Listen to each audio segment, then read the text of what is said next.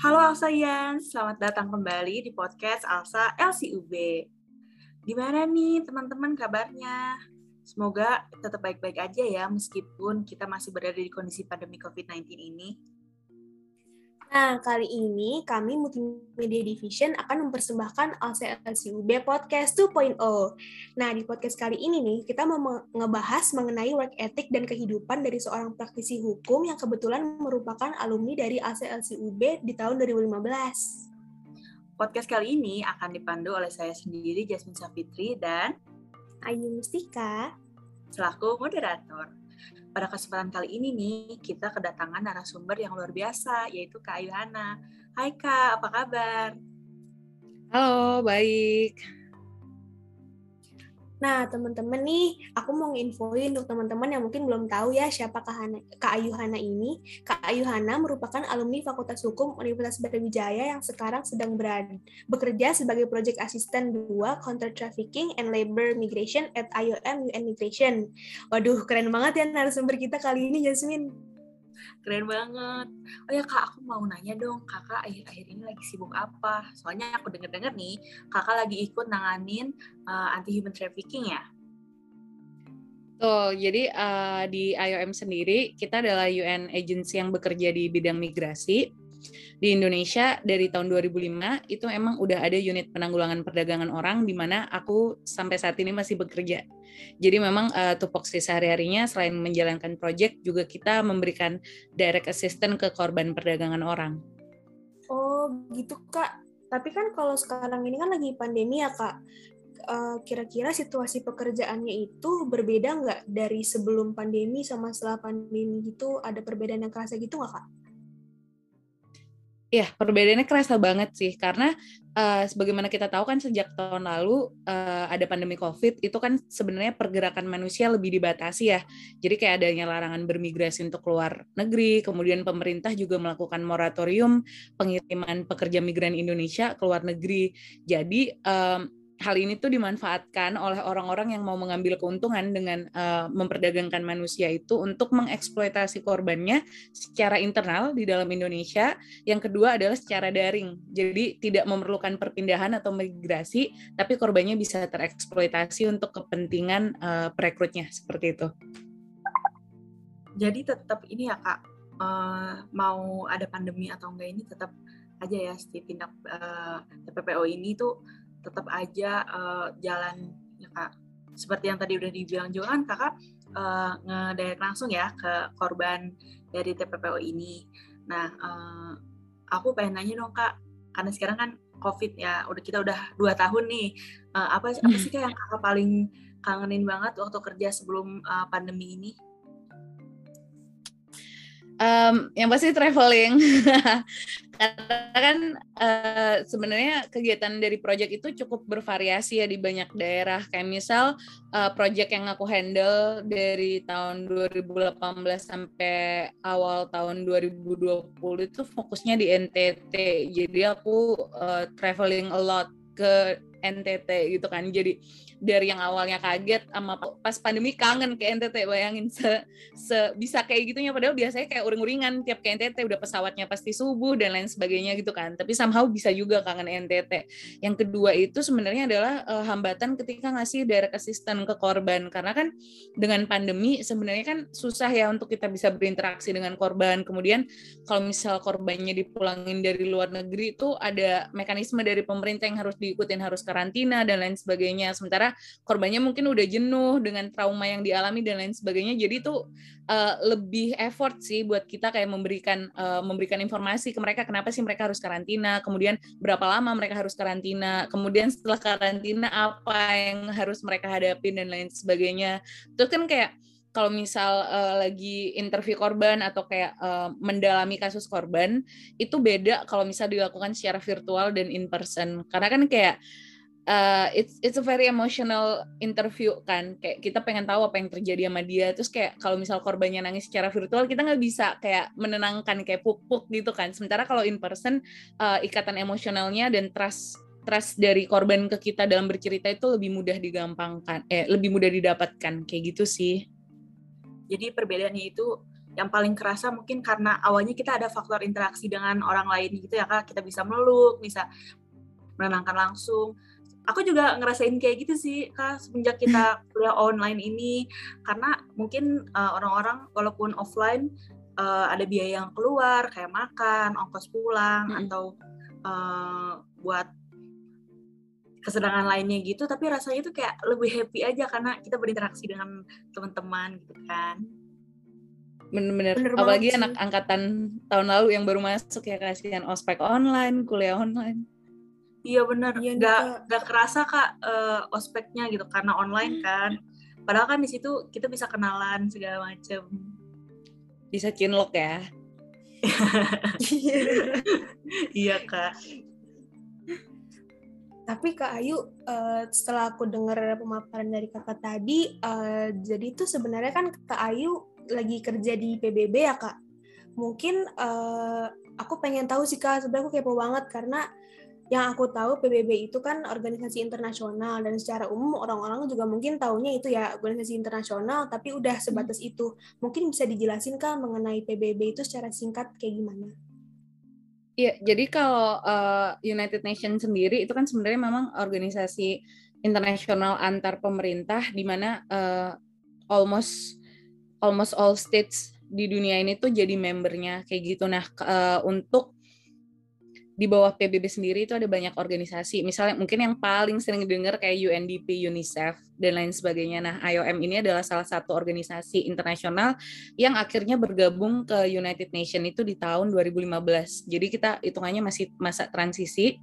Kenapa kita nggak dari awal uh, masuk ke PBB? Karena sebenarnya IOM ini uh, pada saat awal diberdirikan itu memang untuk membantu resettlement dan uh, volunteer untuk mereka yang uh, menjadi displaced person setelah adanya Perang Dunia Kedua. Jadi dibutuhkan organisasi independen yang bisa uh, mengadakan manajemen migrasi untuk mereka yang uh, terdampak sebagai korban perang seperti itu. Nah makanya kenapa IOM dari awal itu belum bergabung sama UN, tapi di tahun 2015 uh, setelah berbagai perundingan dan lain sebagainya, akhirnya IOM memang uh, di memutuskan untuk uh, bergabung dengan United Nations karena mengingat uh, visi misi yang sama. Kemudian kita juga mendukung adanya 2030 Sustainable Development Goals di mana isu migrasi itu masuk uh, menjadi salah satu fokus utama dan bagaimana migrasi itu sebenarnya banyak sekali bersinggungan dengan isu-isu lain gitu misalnya gender based violence, kemudian adanya isu peace and justice yang tidak dirasakan oleh semua migrants khususnya refugees gitu kan apalagi kalau negaranya enggak ratifikasi konvensinya kemudian untuk korban perdagangan orang juga baik yang WNI atau WNA di luar atau di dalam negeri dan lain sebagainya seperti itu. Jadi sebenarnya IOM itu baru masuk di PBB dari tahun 2015 ya kak. Tapi kalau Betul. aku boleh tahu kak, kak Ayu ini, uh, kak Ayu sendiri kenapa memilih untuk bergabung sama IOM gitu kak? Nah, um, jadi sebenarnya aku udah pernah ngerasain kerja di law firm dulu waktu awal lulus S1 sebelum S2, terus pas aku selesai S2 juga aku um, jadi waktu itu aku kerja di law firm, kemudian aku jadi kontributor di Kontras. Uh, terus kayak aku ngerasain bahwa aku nggak nemuin passion aku ketika aku bekerja di law firm. Nggak tahu mungkin karena uh, aku lebih suka kerja yang advokasi gitu dibandingkan uh, berprofesi sebagai lawyer. Kemudian uh, setelah lulus S2 karena aku S2 ambil jurusannya emang International and Security dan uh, salah satu isu yang aku bahas di paper yang aku tulis waktu S2 adalah emang isu migrasi gitu kan di Indonesia khususnya sebagai negara maritim.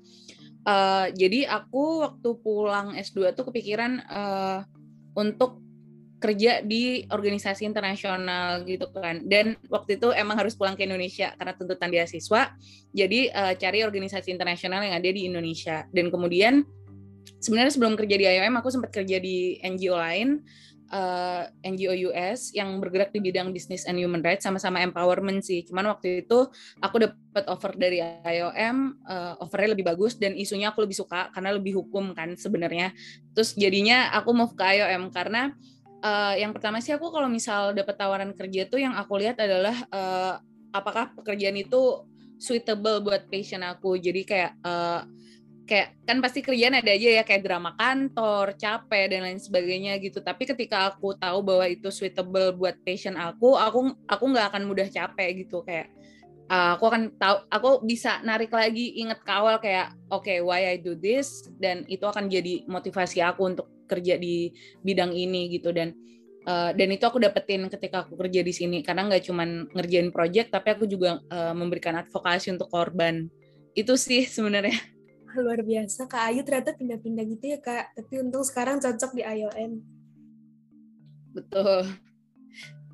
Kan tadi uh, seperti yang kakak udah bilang kakak sempat juga di law firm terus di NGO US juga kan. Apa sih kak perbedaan yang paling kerasa banget nih? Uh, di pekerjaan sebelumnya sama yang sekarang di IOM ini.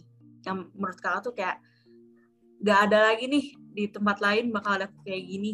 Hmm, yang pertama uh, environment sih ya. Kayak misalkan uh, kerja di I mean IOM sebagai salah satu lembaga UN tuh memberikan environment yang yang berbeda untuk perkembangan kita. Karena misal kayak akses untuk uh, baik self development maupun career development itu akan lebih mudah didapat karena title kita kerja di UN itu sih yang itu kayaknya pres, um, salah satu privilege yang kita dapetin ketika kita masuk ke UN system. Yang kedua adalah uh, future karir itu bisa bisa berkembang gitu kalau di sini. Kayak misal um, kan kayak di posisi aku yang sekarang di middle level uh, karir gitu kan ke depannya aku udah tahu kayak oh oke okay, berarti uh, ke depannya aku akan ngincer untuk posisi internasional dan uh, dengan dengan pengalaman yang mumpuni di sini itu akan lebih memudahkan kita ketika kita uh, mau ngincer untuk posisi internasional uh, di organisasi baik sesama UN maupun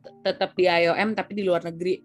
Itu, itu. Jadi yang pertama adalah environment yang kedua adalah mungkin um, apa yang kita kerjain sih sebenarnya. Karena uh, kayak misal kalau teman-teman tertarik kerja di NGO beberapa NGO di Indonesia itu ada yang kerjanya tuh lebih ke against pemerintah kayak gitu. Jadi kayak pokoknya di mata mereka pemerintah nggak ada benernya gitu. Nah itu aku nggak terlalu cocok dengan approach yang kayak gitu. Itu makanya mungkin kenapa uh, aku kalau kerja di NGO harus di NGO internasional karena memang lebih soft approach. Jadi kayak instead of menyalahkan pemerintah karena mereka nggak mampu melakukan sesuatu, kita bisa kok building capacity mereka, kita bisa melakukan uh, soft approach ke pemerintah tentang uh, oke okay, kita, I mean kayak kita tahu lah mungkin uh, SDM khususnya di daerah itu sangat kurang. Tapi kan bukan berarti kalau mereka tidak bisa melakukan itu kita kemudian menyalahkan mereka. Tapi kita bisa hadir buat mereka untuk ngedukung kerja mereka bukan menggantikan uh, role mereka kayak gitu sih.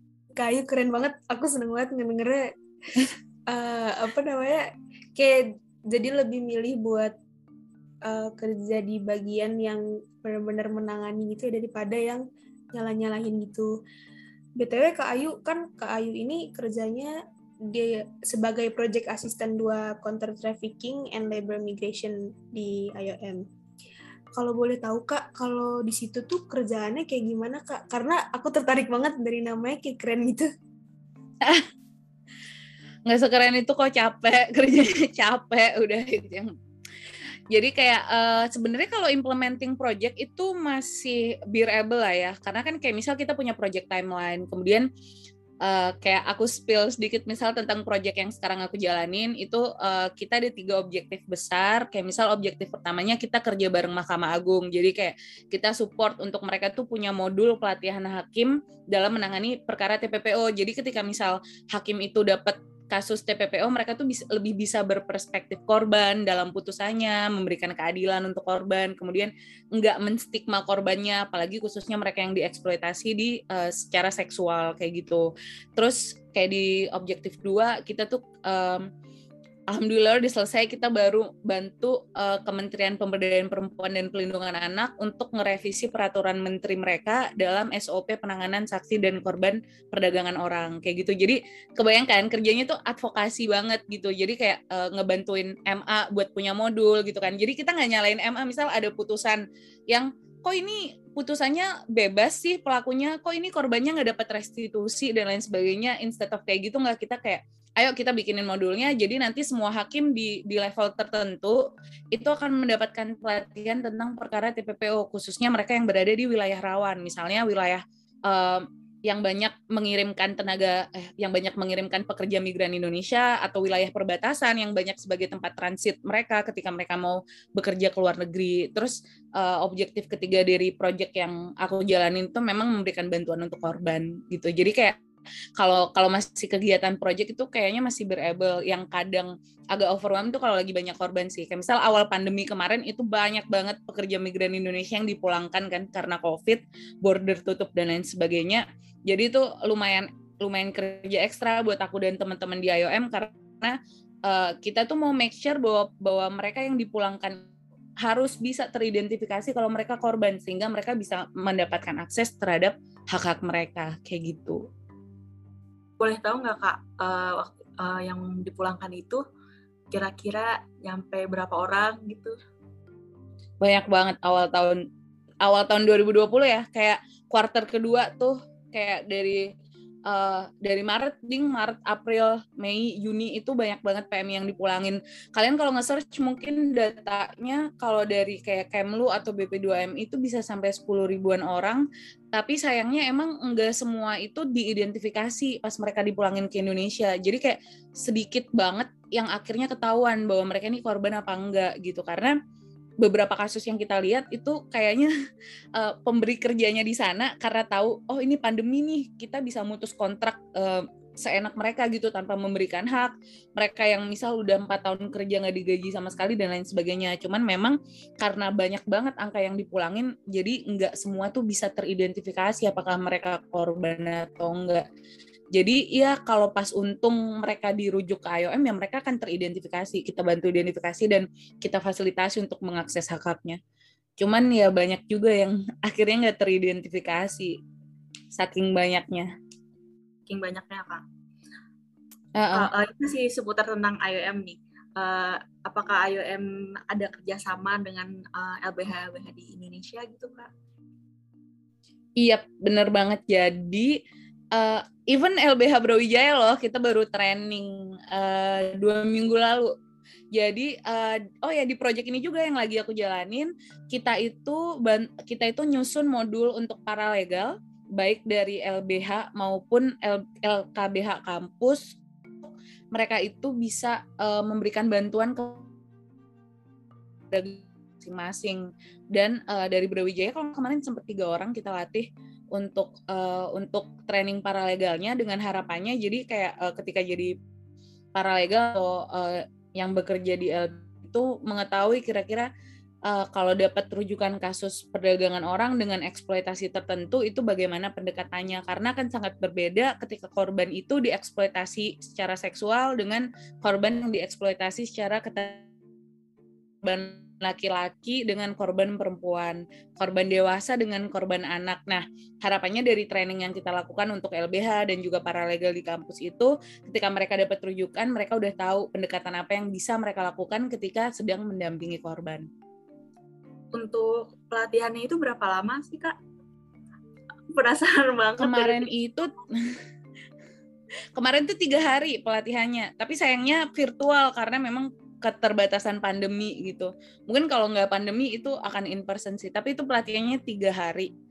Dan uh, sebenarnya kita ada modulnya juga. Ntar mungkin kalau teman-teman tertarik, setahu aku modulnya baru selesai di layouting, ntar mungkin aku bisa bantu PDF-nya, uh, eh, bantu share PDF-nya juga kalau misal teman-teman ada yang tertarik pengen baca atau bahkan nulis skripsi tentang perdagangan orang.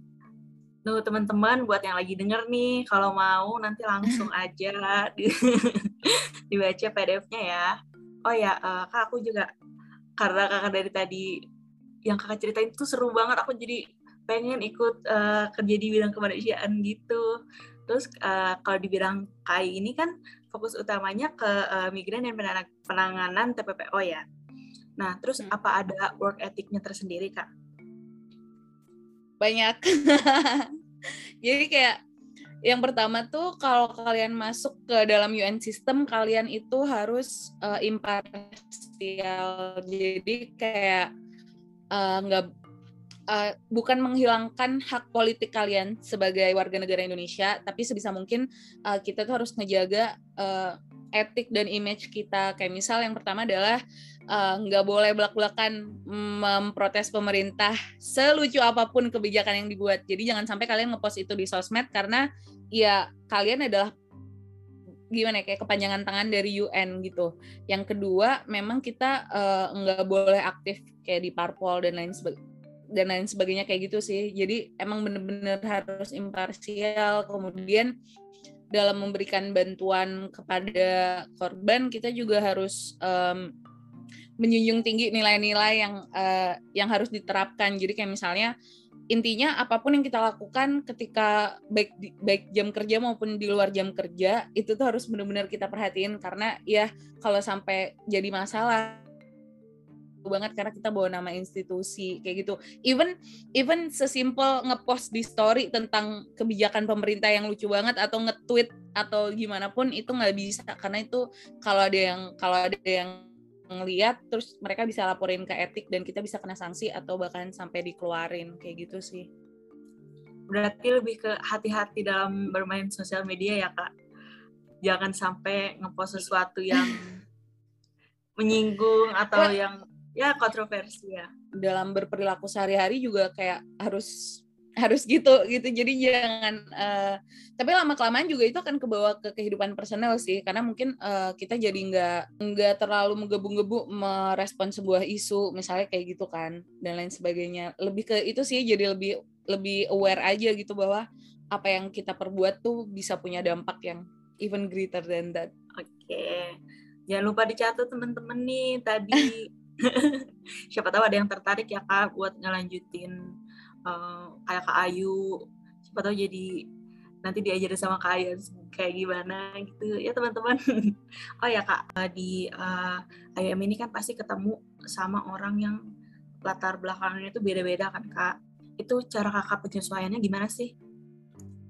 Um, kayak kuncinya adalah toleransi ya, knowing that ya, knowing that uh, people are very diverse gitu. Kayak kita nggak bisa expect seseorang tuh punya even di organisasi internasional ya kita nggak bisa expect semua orang itu bisa berperspektif sebagaimana kita berperspektif terhadap sesuatu gitu. Jadi kayak ada nggak yang konservatif? Ada cuman mungkin lebih reasonable gitu. Tapi ya kalau di dihadapin sehari-hari lama-lama nggak nggak nggak senyebelin itu. Justru kita yang harus menyesuaikan bahwa memang uh, orang tuh gimana ya kayak didikan, culture, kemudian um, ap, apa yang mereka tonton, apa yang mereka makan, apa yang mereka lakukan sehari-hari itu affecting them personally maupun professionally dan uh, salah satu cara yang bisa kita lakukan adalah memang toleransi dan menerima bahwa ya semua orang pasti akan berbeda. Gimana kita menyikapinya secara profesional? Kalau aku sih lebih ke kayak uh, aku nggak peduli background seseorang tuh apa mau mereka mau mereka alim banget mau mereka nggak alim mau mereka um, I don't know like um, ghosting berapa orang dan lain sebagainya I don't care about their personal life selama mereka bisa profesional perform dan uh, support kerjaan satu sama lain uh, I think that's it sih. Ternyata emang toleransi itu ini sih kak emang penting banget ya ternyata. Aku pikir gak sesusah itu di bidang internasional karena jangankan itu ya kak di kampus aja tuh organisasi segala macam kan pastinya butuh toleransi. Dan ternyata di bidang internasional juga butuh banget toleransi yang segitunya. Dan pastinya nggak gampang ya kak. Kalau gitu mungkin aku boleh tahu ya kak dari sini titik dasar kak Ayu sendiri bisa ngembangin soft skill yang dibutuhin banget waktu kerja. Dimulai dari kapan nih kak? Mungkin boleh diceritain sedikit pengalaman kakak sampai bisa di titik sekarang ini. Oke, okay, believe it or not, kalian itu akan banyak belajar tentang toleransi ketika kalian ikut MCC. Percaya. Karena kalian kalau ikut tim MCC, kalian tuh literally tiga bulan bareng orang itu kayak bisa sampai berdua puluh dengan latar belakang yang berbeda, tapi kalian harus tetap komitmen. Iya nggak? Dan itu adalah I I think it helps me a lot a lot ya back there karena kayak bayangin aja kayak ada yang ada yang suka ngaret ada yang uh, ada yang nggak bisa dipegang omongannya ada yang kalau latihan males-malesan, ada yang niat banget, ada yang kerajinan, ada yang obsesi dan lain sebagainya. Dan itu gimana kalian bisa menengahi semua itu? Itu sih yang kayak dan tetap komitmen gitu kayak ya ya misal ada satu orang yang emang semua orang tahu dia nyebelin gitu kan. Gak dengan dia nyebelin kemudian kita walk out dari tim dan lain sebagainya karena simply karena ya I respect myself to be committed in this at the first place kan. Jadi kayak aku nggak mau kayak kayak jadi childish aja gitu mundur dan lain sebagainya. Dan uh, aku pernah ngerasain jadi ketua delegasi di mana waktu itu tuh timku tuh pertama kalinya tim paling diverse FH jadi itu bukan MCC Alsa tapi MCC di luar Alsa. Tapi uh, di tim itu tuh ada dari semua unsur lah kalian tahu unsur apa aja yang ada di FH itu ada semua. Itu waktu itu pokoknya aku jadi ketua delegasi MCC pertama yang dibuka secara umum. Jadi kayak semua unsur ada di dalam tim itu dan uh, jangan ditanya stresnya kayak apa. Tapi at least belajar untuk toleransi ya bahwa ada orang yang memang sholatnya harus on time.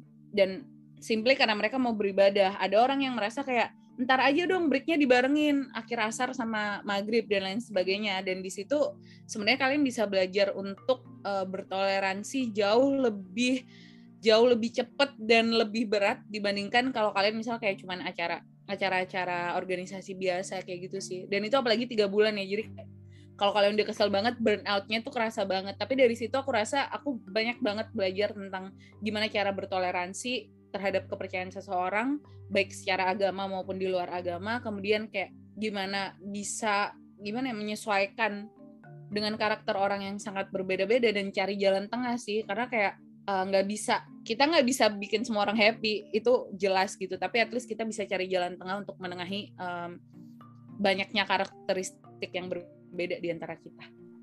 Benar juga sih kak, aku ngelihat dari teman-teman aku yang ikut MCC itu emang di balik keseruannya burnoutnya banget, tapi ternyata pengalamannya, toleransinya dapet gitu.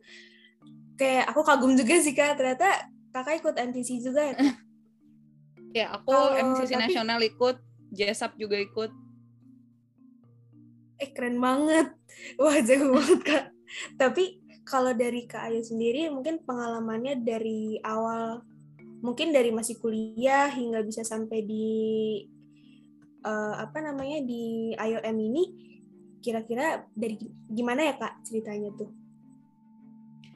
Jadi um, kayaknya emang waktu kuliah tuh aku aktif banget di organisasi kan. Kayak uh, aku ikut ALSA terus uh, di tahun terakhir aku kuliah tuh aku karena karena saat itu presiden BEM-nya adalah temanku dari maba jadi aku ditarik ke BEM juga buat jadi menteri advokesma.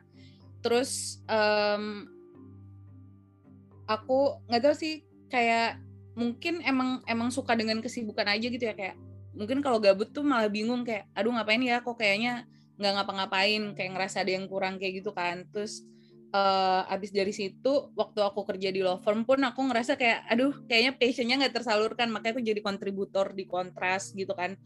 Terus um, banyak itu sih banyak pengalaman-pengalaman kayak gitu sih. Aku rasa yang uh, di luar ilmu pengetahuan yang menurut aku itu justru pengalaman yang nggak diajarkan di kelas ketika kalian kuliah gitu. Dan uh, aku rasa skill-skill kayak gitu sih kayak berhadapan sama orang berhadapan sama counterpart gitu. Karena kalau kalian ngerasa misal waktu di organisasi kayak hadeh capek banget deh apa urusan sama orang ini dan lain sebagainya itu kayak nggak ada apa-apanya ketika kalian masuk dunia kerja gitu. Apalagi kayak misal uh, aku di organisasi yang sekarang kita uh, counterpart utamanya adalah pemerintah karena kita emang membantu kerja mereka kan membantu kerja pemerintah Indonesia. Dan wah bayangin aja kayak misal mungkin kalau kalian nemu karakteristik yang berbeda di ALSA gitu misalnya ada 10 karakteristik yang berbeda di instansi pemerintah tuh kalian bisa nemuin A sampai Z literally. Mungkin mungkin A sampai Z diulang lagi sebanyak itu. Dan uh, aku rasa pengalaman-pengalaman yang pengalaman kalian berorganisasi, dealing dengan orang dan lain sebagainya itu sangat membantu uh, skill kalian ketika kalian di dunia kerja. Jadi kayak alah udah pernah nih gue ngadepin orang sulit kayak gini gitu. Kayak gitu sih lebih lebih ke situnya sih. Dan kalau aku saranin sih kayak um, kalau aku pribadi aku ngelihat ya pengalaman teman-teman aku aku pasti akan nyuruh uh, kalian yang baru lulus S1 untuk kerja dulu at least 2 tahun sebelum melanjutin S2 karena otherwise kalau kalian lulus S1 langsung S2 nanti ketika pulang S2 kalian tuh dilihat masih sebagai fresh graduate. Dan saingan kalian adalah teman-teman S1 kayak gitu. Jadi kayak sayang aja S2-nya nggak nggak dinilai setinggi itu ketika kalian belum punya pengalaman kerja. Itu sih itu yang aku lihat dari teman-teman aku waktu uh, aku S2 bareng mereka dan mereka belum punya pengalaman kerja tadi seperti yang udah dibilang sama Kayu pengalamannya dari jadi ketua delegasi terus jadi menteri advokasma juga terus kontributor di kontras. Itu kan udah melewati proses yang panjang banget ya kak. Kalau kata orang-orang kan hasil tuh gak akan mengkhianati usaha ya. Nah um, untuk kakak sendiri nih kakak udah merasa uh, puas belum dengan pencapaian kakak sekarang? Um, puas sih puas, cuman um, bukan berarti aku nggak bisa lebih berkembang lagi ya. Jadi kayak kalau ditanya puas nggak sama pencapaian sekarang, I mean di umur sekarang dengan pencapaian sekarang sih aku bersyukur banget aku bisa di titik ini gitu. Cuman uh, bukan berarti kayak oke okay, that's it gitu. Tapi aku kayak aku melihat masih ada potensi yang bisa aku kembangin, terus kayak masih ada uh, career development yang bisa aku tempuh jadi kayak ya masih masih banyak sih hal-hal yang uh, I'm looking forward for it gitu kayak even uh, kayak dulu kan aku nggak tahu ya mungkin kalau kalau teman-teman aku bilang tuh emang aku hobinya belajar. Jadi kayak dulu tuh aku bahkan sempat bermimpi bahwa oke okay, aku harus dapat PhD sebelum umur 30 gitu kan. Tapi kayak akhirnya aku withdraw lagi kayak ah deh nggak PhD dulu deh kerja dulu kayak gitu. Cuman mungkin mungkin ke depannya aku bisa aja ambil S3 mungkin aku melanjutkan karir. Well who knows tapi kayak ininya gitu uh, aku sih aku kalau ditanya puas puas tapi aku nggak merasa uh, dengan merasa puas kemudian nggak ada ruang untuk berkembang karena aku percaya uh, aku harus selalu bikin ruang untuk berkembang ketika aku mau jadi manusia yang lebih progresif kayak gitu sih Wah, ternyata emang gak kalah penting sih kayak rasa ingin terus berkembang, tekun, kayak nggak boleh gampang puas. Itu emang penting banget sih kak aku lihat-lihat. Dan semoga nanti eh, pilihan-pilihan kakak untuk selanjutnya bisa berjalan dengan lancar ya kak, karena pasti akan kita kita dukung juga kak dari orang-orang Alsa.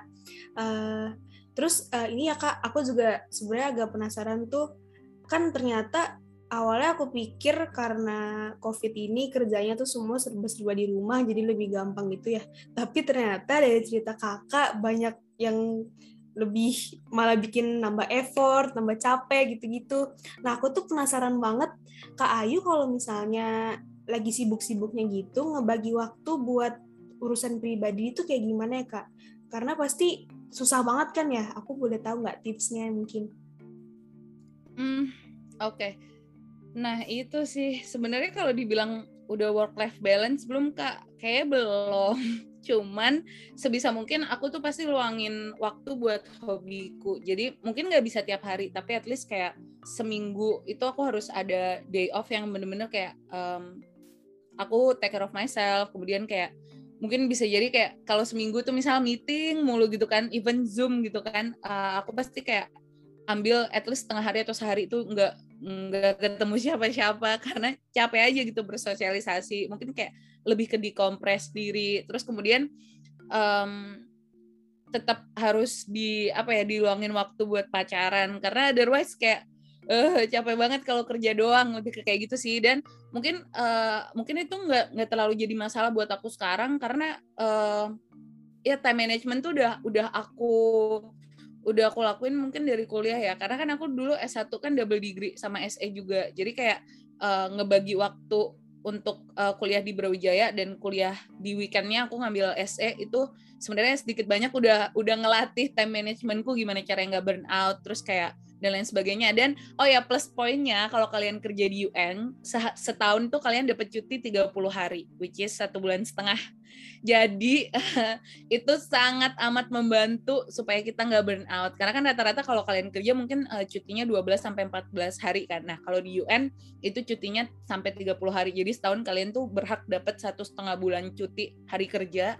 Dan uh, minimal itu harus dipakai setengahnya. Jadi kayak kalian mau nggak mau tuh harus at least tiga minggu ngambil cuti. Dan kalau sebelum pandemi aku biasanya langsung ngambil cuti panjang gitu kayak dua minggu langsung atau tiga minggu langsung. Cuman karena pandemi ini jadinya cutinya nyicil nyicil gitu kan. Kadang kayak oh ada long weekend ke Bali ada long weekend ke mana. Kayak gitu sih lebih lebih ke harus tahu uh, kapan waktu istirahat harus tahu kalau memang masih mau ngeforsir kerja nggak apa-apa tapi harus tahu kapan waktu istirahat sih. Karena kalau nggak gitu uh, kalian akan burn out gitu. Dan kalau burn out kerjanya nggak akan nggak akan perform. Aku lebih ke situnya sih. Jadi kayak aku nggak mau aku nggak mau uh, menghasilkan sesuatu yang ketika aku lagi nggak perform jadi I have to take care of myself.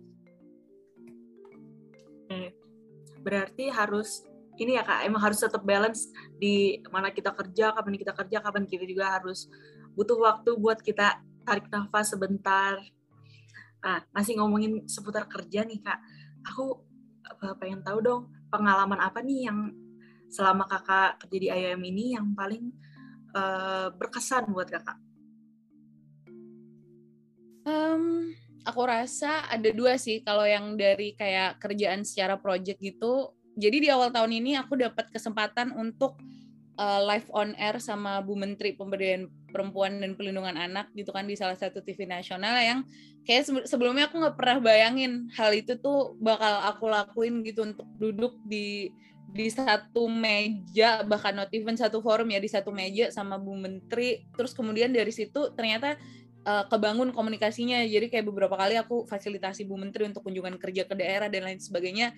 Uh, menurut aku itu sangat berkesan buat aku karena kayak um, aku nggak tahu ya, tapi ada beberapa orang tuh ah ini juga pesan buat kalian nih nanti ketika di dunia kerja aku tahu anak muda ini pasti pengen banget banyak keinginannya pengen berkembang pengen intinya pengen memaksimalkan potensi yang ada di diri gitu kan karena masih muda. Dan jangan kaget kalau di dunia kerja akan ada orang yang um, gimana ya kalau kemarin sempat dibahas tuh di mata Najwa gimana ada uh, orang yang kemudian jadi uh, memperlakukan gap umur kepada anak yang lebih muda itu kayak sebagai kita dilihat belum capable, belum siap menjadi um, seorang yang berada di posisi tertentu dan lain sebagainya itu akan kalian alami gitu. Jadi kayak uh, untuk aku bisa di posisi ini kemudian bisa mendapatkan kesempatan itu itu menurut aku adalah hal hal-hal yang mungkin itu di luar ekspektasi kalian tapi uh, I think konsistensi untuk bekerja terbaik dan memberikan terbaik gitu ya di kapasitas kalian itu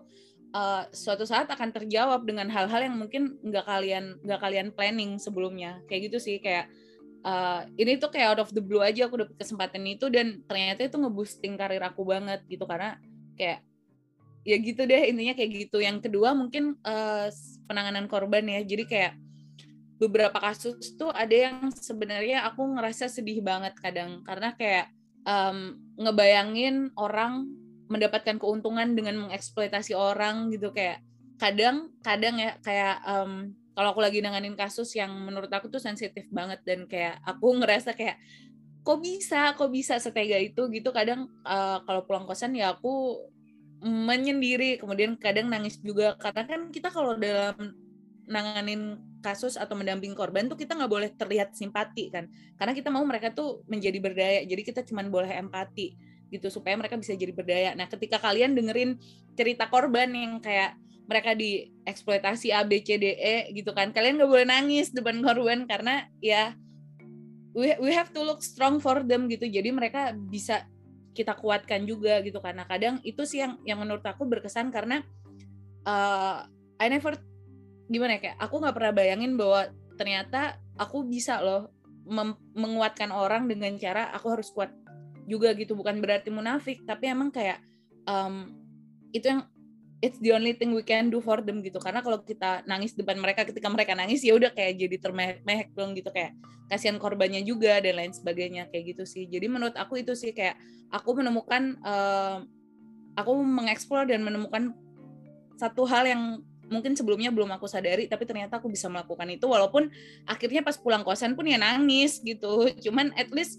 ternyata aku bisa uh, bisa kuat untuk uh, korban yang aku dampingi dan itu memberikan dampak untuk mereka juga secara positif karena mereka juga jadi kuat buat menghadapi kenyataan setelah keluar dari fase eksploitasi. Kayak gitu sih. Luar biasa banget kayu bisa setegar itu.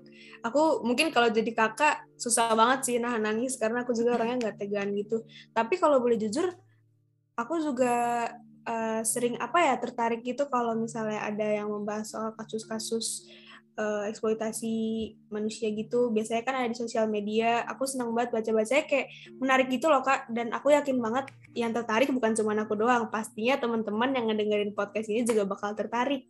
Nah mungkin kak terakhir ada pesan mungkin atau tips and trick buat teman-teman kita yang mendengar ini. Mungkin boleh seputar kuliah meniti karir atau enggak karakter yang harus dikembangin gitu. Karena uh, sebentar lagi ini kan kita uh, isu-isunya bakal ada ini ya kak ngikutin kuliahnya udah mulai offline lagi. Dan selama online itu waktu tuh berjalannya cepet banget gak kerasa banget. Yang aku tuh ngerasa perasaan baru kemarin masuk kuliah tiba-tiba sekarang kayak udah mau tahun terakhir gitu. Nah mungkin Kak Ayu ada pesan buat teman-teman yang mendengar podcast ini Kak?